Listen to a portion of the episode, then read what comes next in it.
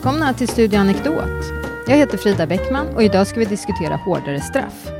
Frågan om strängare straff har tagit allt mer plats i det politiska samtalet. Under hösten har debatten blossat upp igen och det ser ut att bli en het valfråga i nästa års riksdagsval. Men vad säger forskningen? Leder hårdare straff verkligen till mindre kriminalitet? Vad är det egentligen vi vill uppnå med ett straff? Vill vi skydda, rehabilitera eller avskräcka? Med mig i studion för att diskutera det här idag finns Felipe Estrada, professor i kriminologi vid Stockholms universitet och Alva Stråge, doktor i teoretisk filosofi vid Göteborgs universitet. Varmt välkomna hit båda två. Tackar. Tack. Det har blivit ett allt högre tonläge i debatten kring hårdare tag och strängare straff i samhället. Varför har det blivit en så viktig fråga, Filip? Ja, det enkla svaret skulle kunna vara att det beror på brottsutvecklingen, att vi har en ökning av det dödliga våldet och skjutningar och det är liksom en allvarlig brottslighet som skrämmer oss. Den drabbar människor som bor i socialt utsatta bostadsområden som redan har väldigt eh, svåra livsförhållanden och det gör ju liksom att den här frågan måste adresseras i politiken. Eh, det skulle vara det enkla svaret och sen är det faktiskt lite knepigare än så, tror jag, när vi väl vrider och vänder på det. Men vi kan börja så, tänker jag. Ja, precis. Vi kommer ju komma in på de frågorna alldeles strax. Alva, vad säger du om det här? Jag håller väl med eh, Felipe om, eh, om det han säger, men sen så eh, tror jag också att man...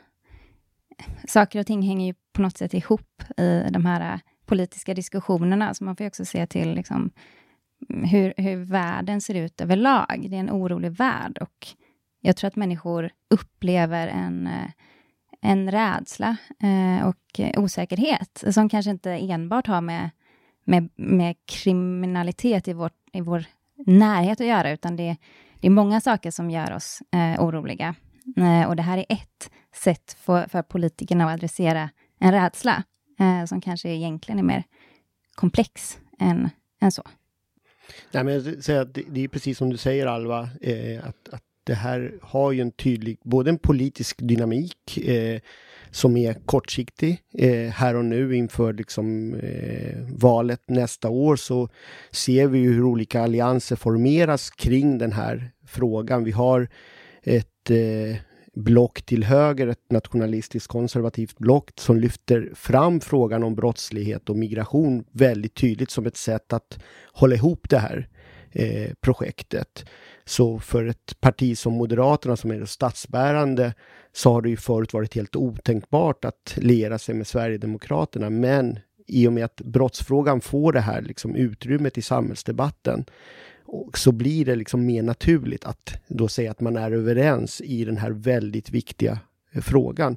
Så det är liksom en här och nu förklaring. Men sen så är det så att den här politiska dynamiken kring brottsligheten, det är ju ingenting som har kommit här och nu, utan den har ju vuxit fram under en lång eh, tid. Och när jag skrev min avhandling eh, 99 så var jag precis inne på den här typen av resonemang som du har Alva om liksom den oro som finns över den tilltagande ojämlikheten i samhället. Och här finns det då så här tänkare som Habermas och Bauman som skriver om liksom välfärdsstatens legitimitetskris och hur, hur ska säga, politiken i takt med att man upplever att man har mindre eh, möjligheter eh, att styra eh, samhället i den utsträckning man har haft förut i takt med liksom avregleringar av ekonomin och så.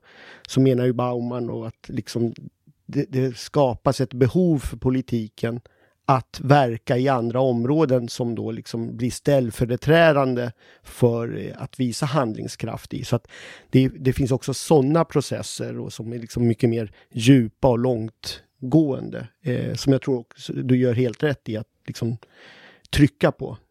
Men hur har det sett ut eh, genom årtiondena, om inte århundradena, mm. Felipe? Man kan se att kriminalpolitiken under 1900-talet, att liksom det har gått i olika eh, vågor. Och att, att, att, vi idag har liksom en väldig konsensus kring eh, hårdare straff. Eh, så såg det inte alls ut för 30-40 år sedan, utan då var det konsensus snarare kring rehabiliteringstankar och eh, Går vi ännu längre tillbaka och börjar liksom i, i mellankrigstiden så var liksom det som gällde inom svensk kriminologi då var ju förklaringar som hade att göra med eh, ja, individers egenskaper. Eh, det fanns forskare som Olof Kindberg som var inne på liksom rasbiologiska tankegångar och att liksom brottsligheten fanns inneboende hos människor och de skulle ju då liksom kureras bort och i ja, de värsta formerna blev ju då att man skulle sterilisera människor för att liksom vi skulle få ett släkte som var mer brottsfritt. Och efter andra världskriget så fick ju de idéerna såklart eh, skåpades de ju ut och vi fick en mer liksom sociologisk tankemodell som slog rot och som eh, där man förklarade då liksom brottslighet mer med frågor som hade att göra med fattigdom, ojämlikhet och då hade man en ganska optimistisk syn då att med, i takt med att välfärdsstaten byggdes på och vi blev rikare så skulle ju brottsligheten minska. Men de facto så minskade inte brottsligheten under efterkrigstiden, istället så ökade den faktiskt. Så det du säger är att det här också har, det har inte bara, eller ens kanske i främsta rummet, att göra med hur mycket brottslighet det finns i ett samhälle vid, vid en given tid, utan snarare hur man ser på kanske människan eller om människans möjligheter och var, var brottsligheten så att säga kommer ifrån. Tolkar jag dig rätt då? Ja, jag tycker att du gör en ganska bra sammanfattning. Alltså att det, det handlar faktiskt mindre om brottsutvecklingen eh, och mer om eh, människosyn, politisk utveckling, kanske till och med frågor som handlar om ekonomiska konjunkturers utveckling, ojämlikhetens utveckling i mer generella termer för vilken kriminalpolitik vi tycker är rätt vid olika tidpunkter. Alva, det här med strängare straff har ju rent av blivit, eh, eller kanske alltid har varit, en, en höger-vänster-fråga med ganska skarpa kontraster. Varför är det så? Um, men jag tror att eh, delvis så kan vi ju se att de här olika politiska ideologierna skiljer sig åt rent socialpolitiskt. Alltså deras grundläggande idé om um, vad människan och hennes relation till samhället är ju ganska olika. Som en, om man generaliserar då, så, så kan ju en, en högerorienterad ideologi eh, sätta människans eh, frihet i, i fokus och, och människan, därmed hennes egna ansvar. Eh, människan ska, liksom vara ganska fri från, från staten och staten ska gärna spela en, en underordnad roll. Medan en vänsterorienterad eh, politik kanske spelar upp eh, statens eh, roll eh, i människans liv och hennes, hennes utveckling. Och då får ju också såna här äh, strukturella förklaringar ett, ett, ett, liksom, en större roll när man ska försöka förstå varför en person eh, hamnar på en, liksom, i, i en kriminell kontext eller sådär.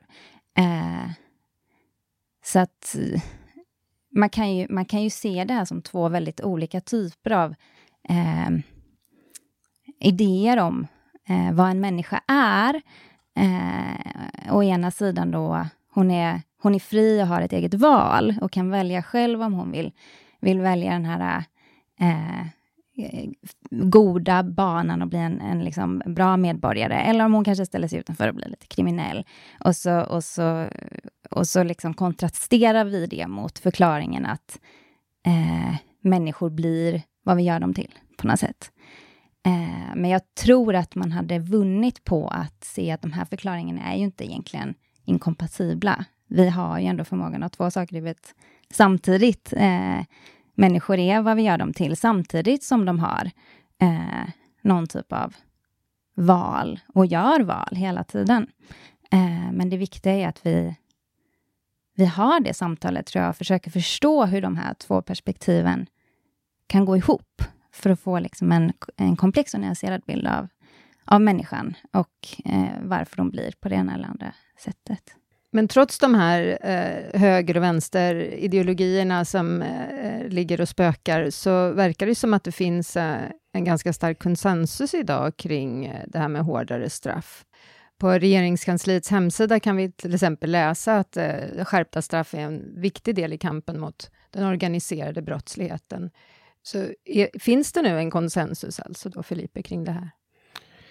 Ja, absolut. Jag skulle säga att vi, vi har haft en rörelse, eh, speciellt inom socialdemokratin, där man har sett till att närma sig eh, högerpositionen så mycket som möjligt. Man vill egentligen inte ha så mycket debatt i den här frågan.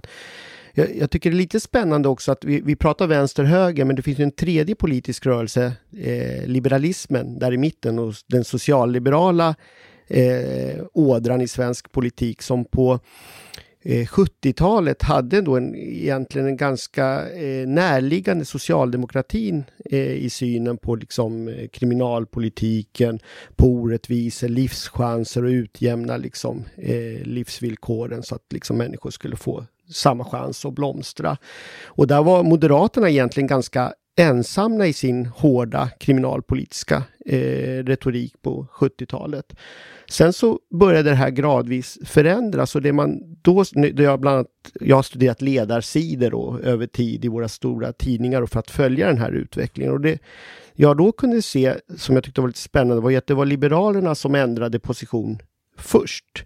Och när de då lämnar Socialdemokraterna på något sätt ensamma eh, som mjuka i den här frågan och så blev det som att Socialdemokraterna på 90-talet inte riktigt ville stå själva i debatten och framstå som soft on crime.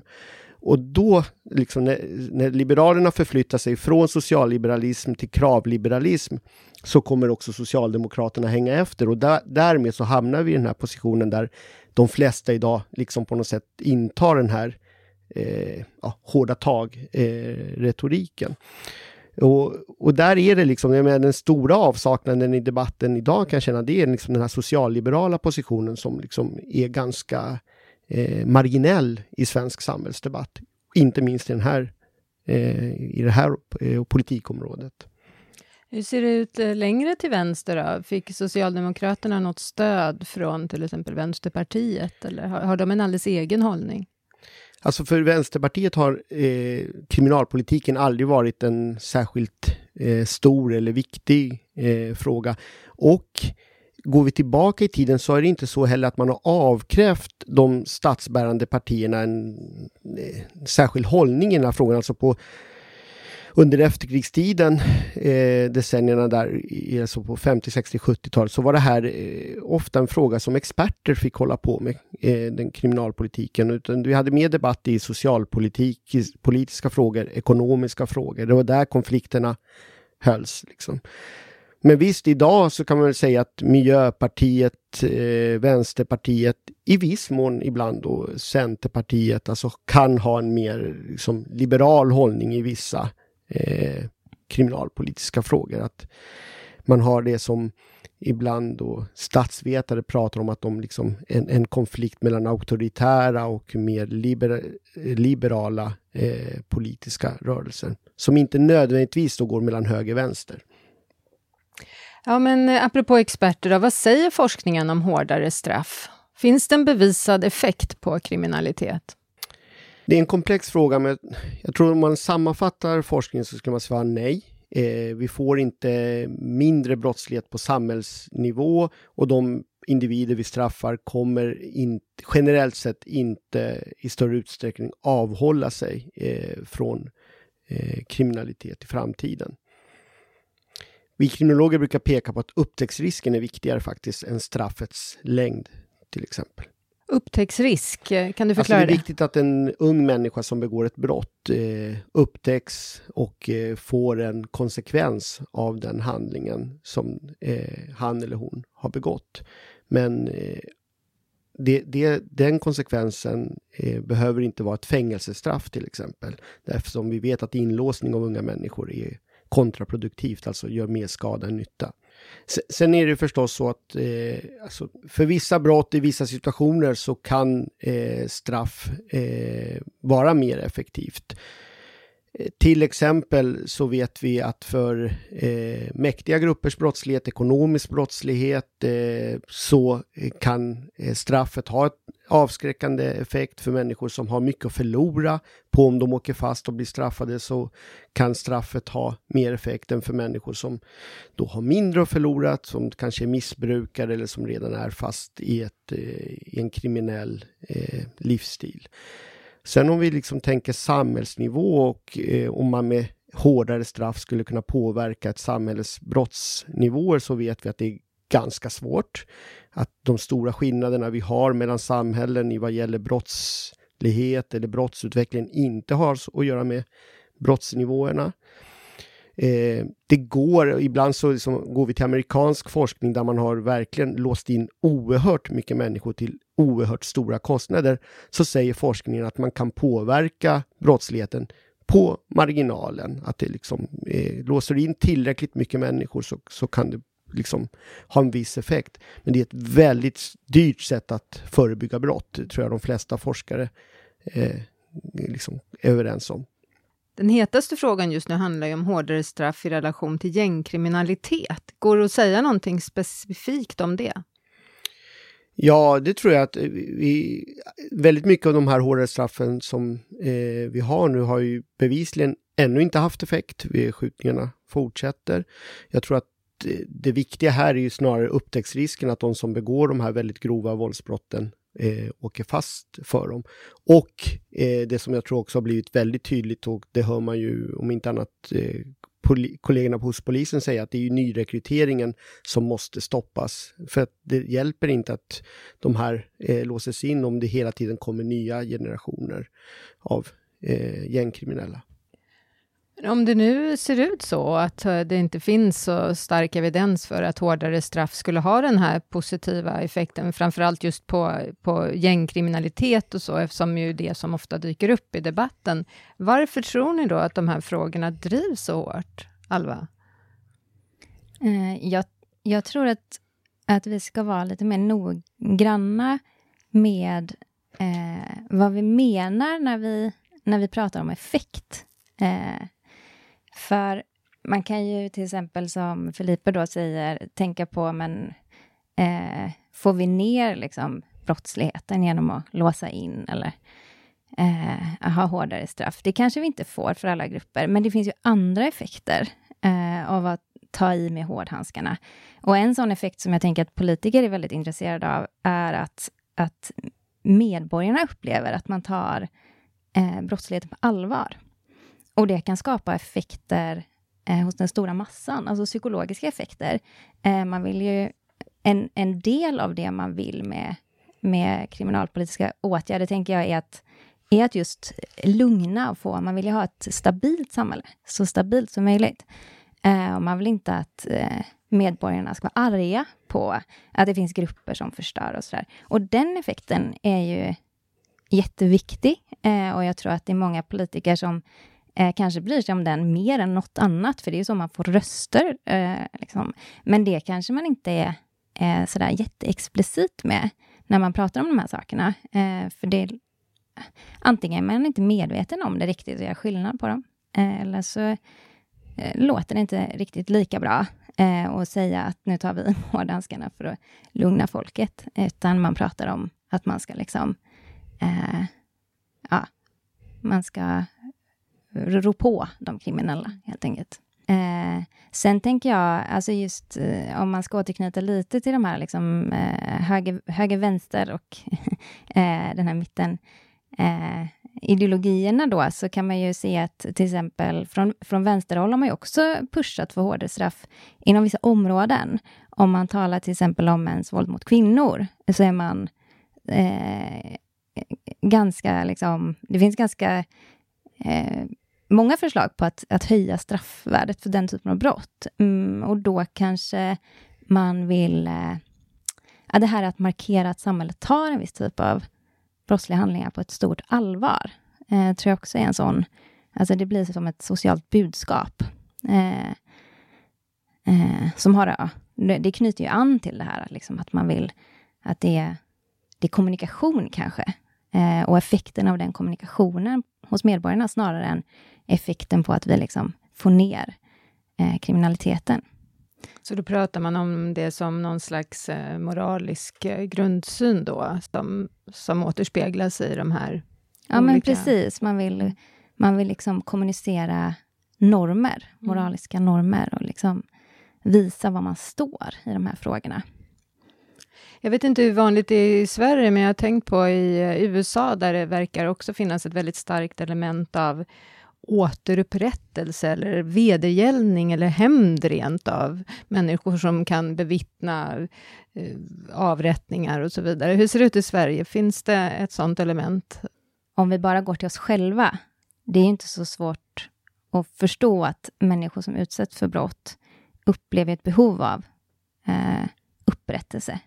Och det är en en effekt som, som man vill åt ju och som liksom, eh, det är ju på något sätt statens uppgift att ta över den här eh, eh, känslan och impulsen av att vilja ha eh, upprättelse om man har blivit utsatt för ett brott. Och istället för att folk ska sköta det där själva, så ska staten ta över eh, och utföra den här praktiken i en mer ordnad, ordnad form, så att säga.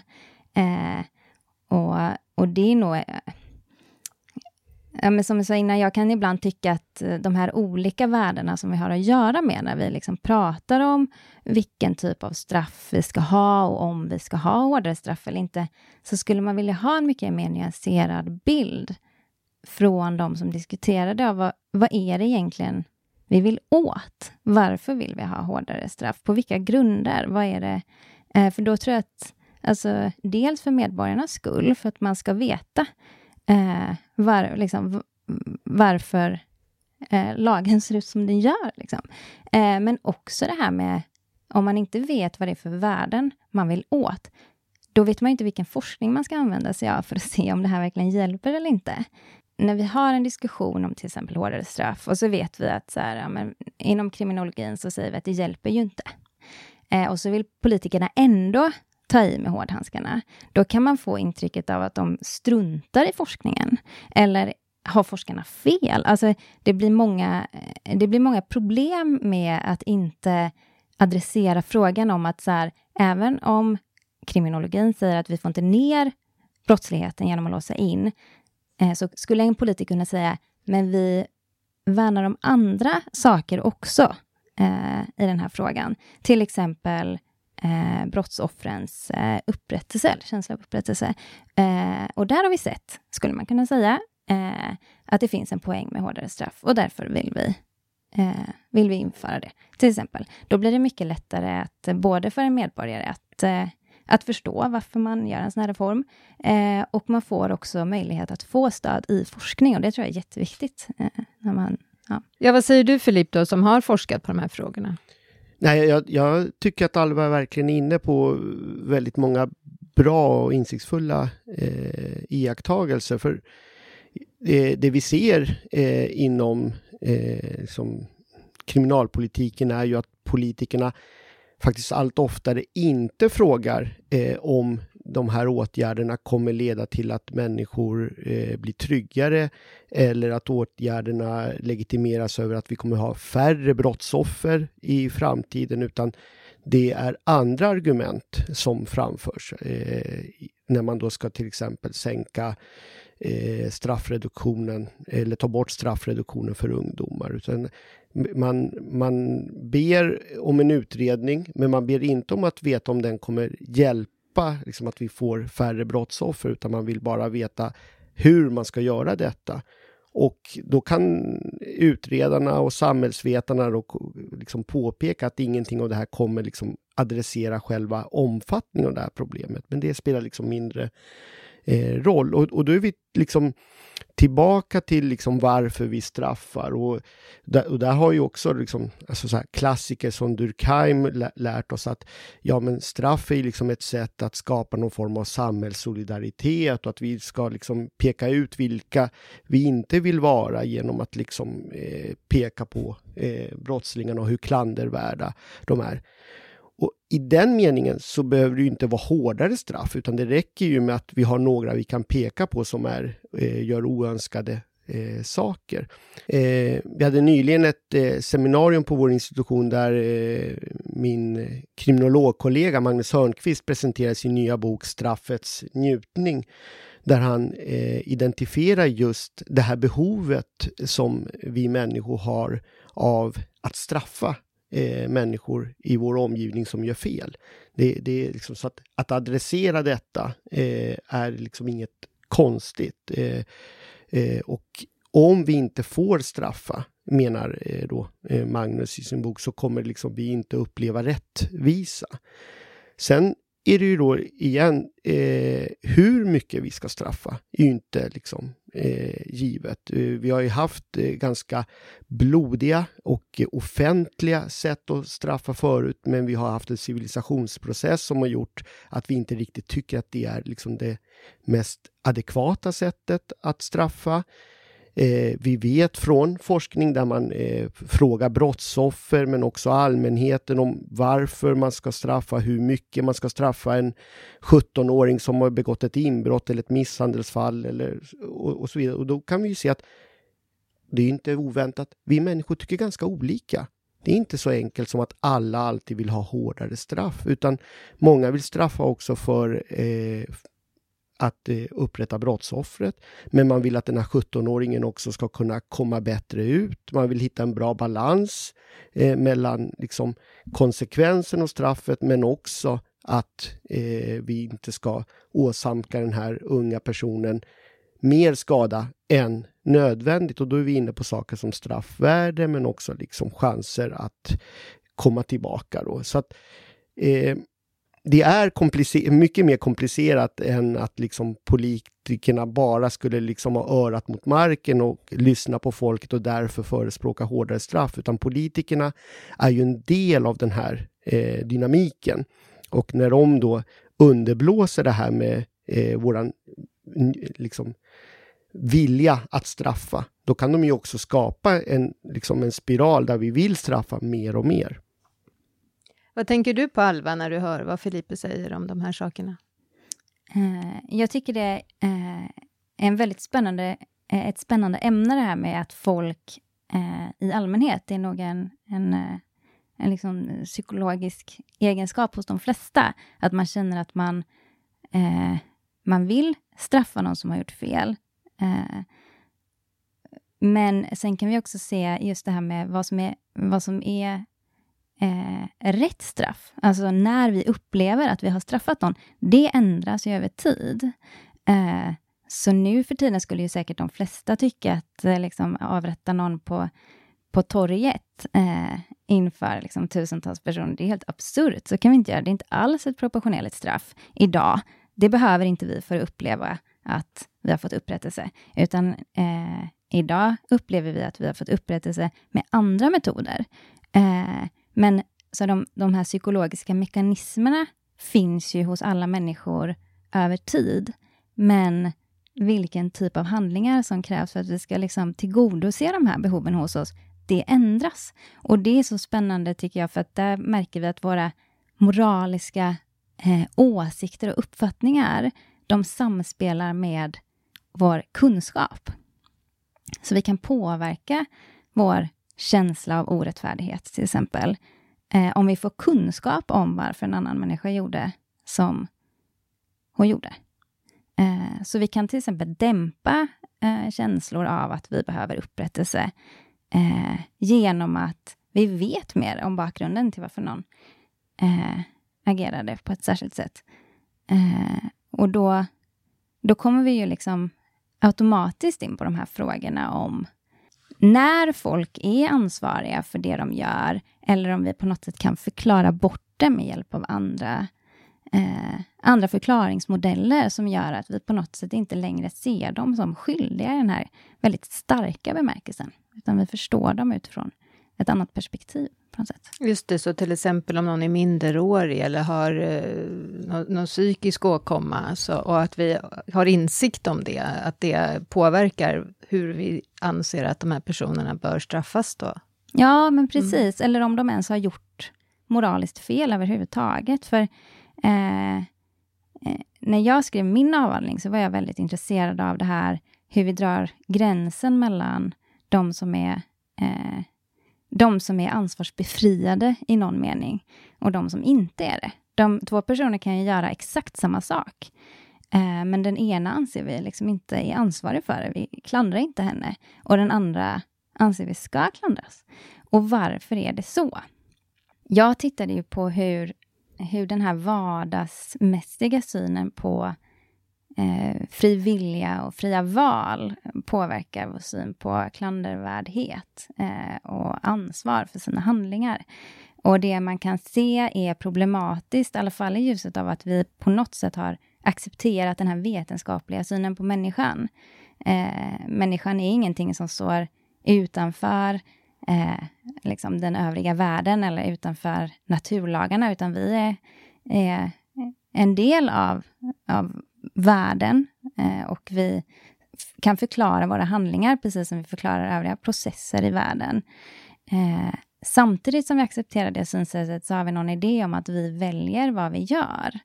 Eh, och att vi har en fri vilja som kan ligga till grund för att vi klandrar varandra. Och eh, om man tittar på bara eh, vårt sätt att se på vem som är eh, klandervärd och vem som inte, så verkar det ju vara som att det går en gräns då mellan folk som är väldigt unga till exempel. De kan inte utöva en fri vilja eh, i den utsträckningen att vi klandrar dem eller straffar dem för det. Men när man är 18 plus då, då kan vi plötsligt straffa. Eh, för då har man, tänker man sig, eller framstår det i alla fall som ibland, då har man fått tillgång till sin fria vilja. Eh, men sen när man börjar fundera på det där så kan man undra, vad är den fria viljan? Är det någon, nå, någonting lite speciellt i människohjärnan som slår till vid 18 års ålder? Eller måste vi förstå det där på något helt annat sätt? Eh, och då var väl min sån där centrala fundering, avhandlingen, att vad är det som gör att en 20-årig hjärna då till exempel eh, är klandervärd på ett sätt som en 16-årig hjärna inte är. Alltså de, på något sätt måste de här naturliga egenskaperna som människor har, det är ju de som ligger till grund för ändå eh, våra moraliska omdömen. Och vi gör ett annat moraliskt omdöme om en vuxen människa eh, än vi gör om ett barn. Och det är så intressant att försöka få ihop de här liksom, olika moraliska omdömena med den här naturvetenskapliga världsbilden, att alla är ju lika determinerade av gener och miljö på något sätt. Att bli precis som de är. Eh, så var den här klandervärdheten kommer in är en väldigt spännande fråga. Vet man någonting om vilka straff som är bäst? På någon generell eh, nivå, Filipe? Ja, men då, då, är vi lite inne i den diskussionen vi hade förut om liksom vad vi menar med, med bäst. Då. Men om, om, vi då liksom utifrån ett så här samhällsvetenskapligt eh, perspektiv skulle säga bäst i meningen att vi skulle få färre brottsoffer eller att vi skulle ha åtgärder som gör att unga människor återfaller mindre i brott. Då vet vi en, en hel del då, alltså finns liksom utifrån den samhällsvetenskapliga forskningen. Eh, vi vet till exempel att eh, det är eh, dåligt att låsa in unga människor eh, och det är dåligt att straffa dem tidigt eh, med eh, Eh, kriminalvårdspåföljder och så. Det är dåligt att sänka straffmyndighetsåldern för att det försvårar att man går klart skolan och, och sånt som vi vet är, är bra för att liksom få en etablering i arbetslivet. Och, och där finns det liksom ganska mycket och bra eh, forskning. Men då adresserar vi ju frågan liksom, eh, ja, eh, som vi var inne på då, alltså att få färre återfall, färre brottsoffer. Men eh, vi har inte svarat på frågan om eh, politikerna eller allmänheten blir nöjda eh, i meningen att de då har kunnat fått visa tillräckligt mycket handlingskraft i en fråga de upplever liksom behov att visa handlingskraft i. För då är vi tillbaka liksom på en, den här andra diskussionen om andra eh, anledningar att straffa. Men, men för mig är det liksom egentligen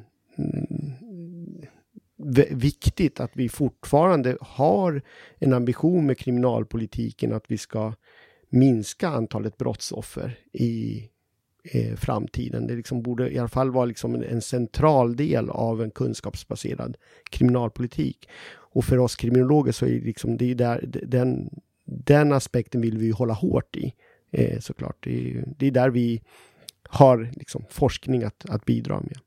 Så ett bra straff då beror lite på om man tänker kort eller långsiktigt då, om jag förstår det rätt, Felipe? Ja, eh, eller bakåtblickande eller framåtblickande. Bakåt på vad som har skett och att det måste, vi måste upprätta brottsoffret och skapa rättvisa. Framåtblickande för att liksom vi ska ha ett smart straff som gör att vi eh, har en politik som minskar antalet framtida brottsoffer. Antingen då för att den här individen eh, avskräcks till att begå nya brott. Vi vet att så är det of inte särskilt ofta. Eller att den inkapaciteras, kan inte begå brott eh, under den tiden eh, den personen är inlåst. Vi vet att det är ett väldigt dyrt sätt att förebygga eh, brott. Eller kanske då, om det är unga människor i alla fall, rehabilitera och skapa ett straff som då liksom gör att återfallen inte sker lika ofta eh, som annars. Men sen så tror jag att vi, vi, vi ska komma ihåg liksom att, att det, det bästa sättet, eh, och här är ju liksom säger poliser, praktiker, socialarbetare och kriminologer samma sak, att det bästa sättet att påverka brottsligheten är ju liksom innan brottsligheten har inträffat. Och så vi, vi ska liksom prata egentligen mycket mindre om rättsväsendet och straff och om andra saker om vi ska eh, påverka brottsnivåerna och förebygga brott. Och då är vi inne på skola och sociala insatser, eh, stöd till familjer, eh, behandling av människor som har psykisk ohälsa, missbruksproblem och så vidare. Alva, hur skulle du vilja att eh, debatten nyanserades lite mer framöver? Jag tycker att det här med, um, ja, men det här med långsiktiga och kortsiktiga perspektiv är ju, det är ju så tydligt att vi, det finns ett problem med att uh, den politiska diskussionen och den politiska handlingskraftigheten den, har, den är ganska kortsiktig. Man vill ta i hårdare för att visa eh, att man gör någonting åt de här problemen. Medan vi vet ju samtidigt att det är de här grejerna som faktiskt påverkar eh, samhället på lång sikt. Att vi, att, att vi ser till de här eh, socioekonomisk eh, ojämlikhet till exempel och plockar upp barn som, som eh, växer upp i otrygghet och så. Det, jag tror att nästan alla är medvetna om att det är på det sättet. Men människor är ju på något sätt predisponerade att vilja ha quick fix. Liksom. Man vill göra grejer snabbt och man vill göra det billigt. Och det här tycker jag är någonting som politikerna skulle kunna ta på större allvar. Att det här är ju liksom psykologiska frågor. Hur ska vi få människor att förstå att det är de här områdena vi måste satsa på? För att det är ju så att politikerna behöver ju liksom presentera ett program som är attraktivt för folk och så gör att de röstar på dem. Och, så. och på det sättet så är det så himla viktigt liksom att, att liksom skaffa en... Eh, Förankra sitt arbete bland medborgarna. Och då återknyter vi till det där som vi pratade om lite tidigare, att de här, våra moraliska intuitioner om vad vi upplever rätt och fel, det hänger ihop med vad vi vet. Eh, så vi måste på något sätt hitta ett sätt att få människor i allmänhet att ta till sig det här på riktigt, att vi måste jobba förebyggande. Det är där det händer, liksom. det är i skolan det händer. Eh, det är där vi slår ut människor. Alltså det kom ju en DN-artikel, jag tror jag läste den idag, om att alltså våran dö, eh, alltså dödligheten bland unga människor, den, den är skyhög i Sverige. Alltså vi sticker ut för att, för att de tar livet av sig. Eh, det, är den, det är den vanligaste dödsorsaken bland unga. Eh, och, och forskningen säger att det är för att människor, de slås ut, de är uppgivna, de har ingen framtidstro. Eh, och jag menar, vissa blir deprimerade, andra väljer en kriminell bana. Eh, men jag tror att det här är så, liksom, det är så otroligt viktiga frågor och vi måste på något sätt, politikerna måste ta det till sig och de måste också hitta sätt att liksom, få människor att förstå. Alltså det må, de måste prata om det. Man kan inte man kan inte ha den här idén om att vi ska vinna röster till nästa val. Utan jag skulle vilja se liksom i den politiska diskussionen, när de har partiledardebatter om sådana här saker, eh, man måste fråga liksom, vad är det för samhälle du vill ha då? Vad är det för människor du pratar om när du säger att du vill ha hårdare straff? Vem ska straffas hårdare och varför? Eh, att våga ställa de svåra frågorna eh, och, och kräva svar, det skulle jag vilja se. Ja, det får bli det sista ordet. Eh, tack så hemskt mycket för att ni kom, eh, Felipe och Alva. Tack så mycket. Tack. Och tack alla ni som har lyssnat.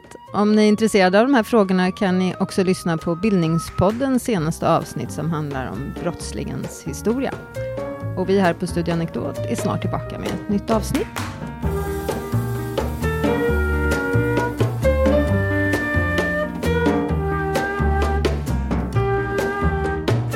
Du har lyssnat på Studio Anekdot.